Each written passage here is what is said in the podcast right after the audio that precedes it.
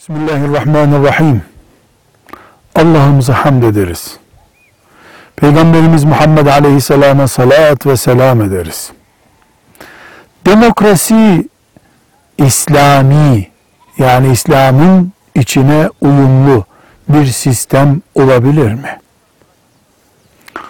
Bu sorunun cevabını geniş bir açıdan ele alıp konuşabiliriz. İslam kimin sistemidir? Allah'ın sistemidir. İslam'da yani bizim Müslümanlık olarak bildiğimiz şeylerde Allah'tan başkasının katkısı var mı? Mesela sevgili peygamberimiz aleyhissalatü vesselama ait bölüm var mı? Cevap hayır. Sadece Allah'a kulluk yapılır. Din sadece Allah'ındır. Peygamber aleyhisselam da Allah'ın kuludur. O da kulluk yapmak için, kulluğun örneğini göstermek için gelmiştir. İslam sadece Allah'ın dinidir. Ne peygamberin aleyhisselam ne peygamberin biricik ashabının Ebu Bekirlerin, Ömerlerin, Osman ve Ali'lerin Allah onlardan razı olsun hiçbirinin bir ilavesi veya eksiltmesi kesinlikle yoktur.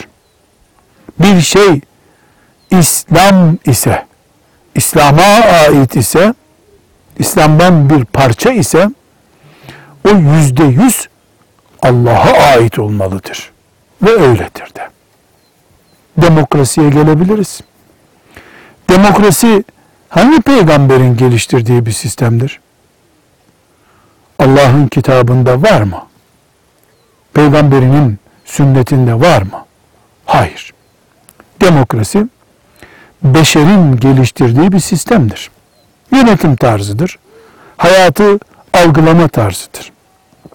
İçinde İslam'ın da hoşnut olacağı, beğeneceği yönler olabilir. Kur'an'a uyumlu maddeleri olabilir. Peygamber aleyhisselamın hayatına, siretine, örnekliğine uygun bölümler olabilir. Ama 3-5 maddesi Kur'an'a uyumludur diye demokrasi hac gibi, Kur'an gibi, oruç gibi, kurban gibi İslam'a ait bir sistem olamaz. Bilakis demokrasi büyük bir kanser ihtiva ediyor. Güç ve otoriteyi kitlelerin ve halkın eline veriyor. Halbuki bütün hüküm, güç, otorite, son söz hakkı Allah'ındır.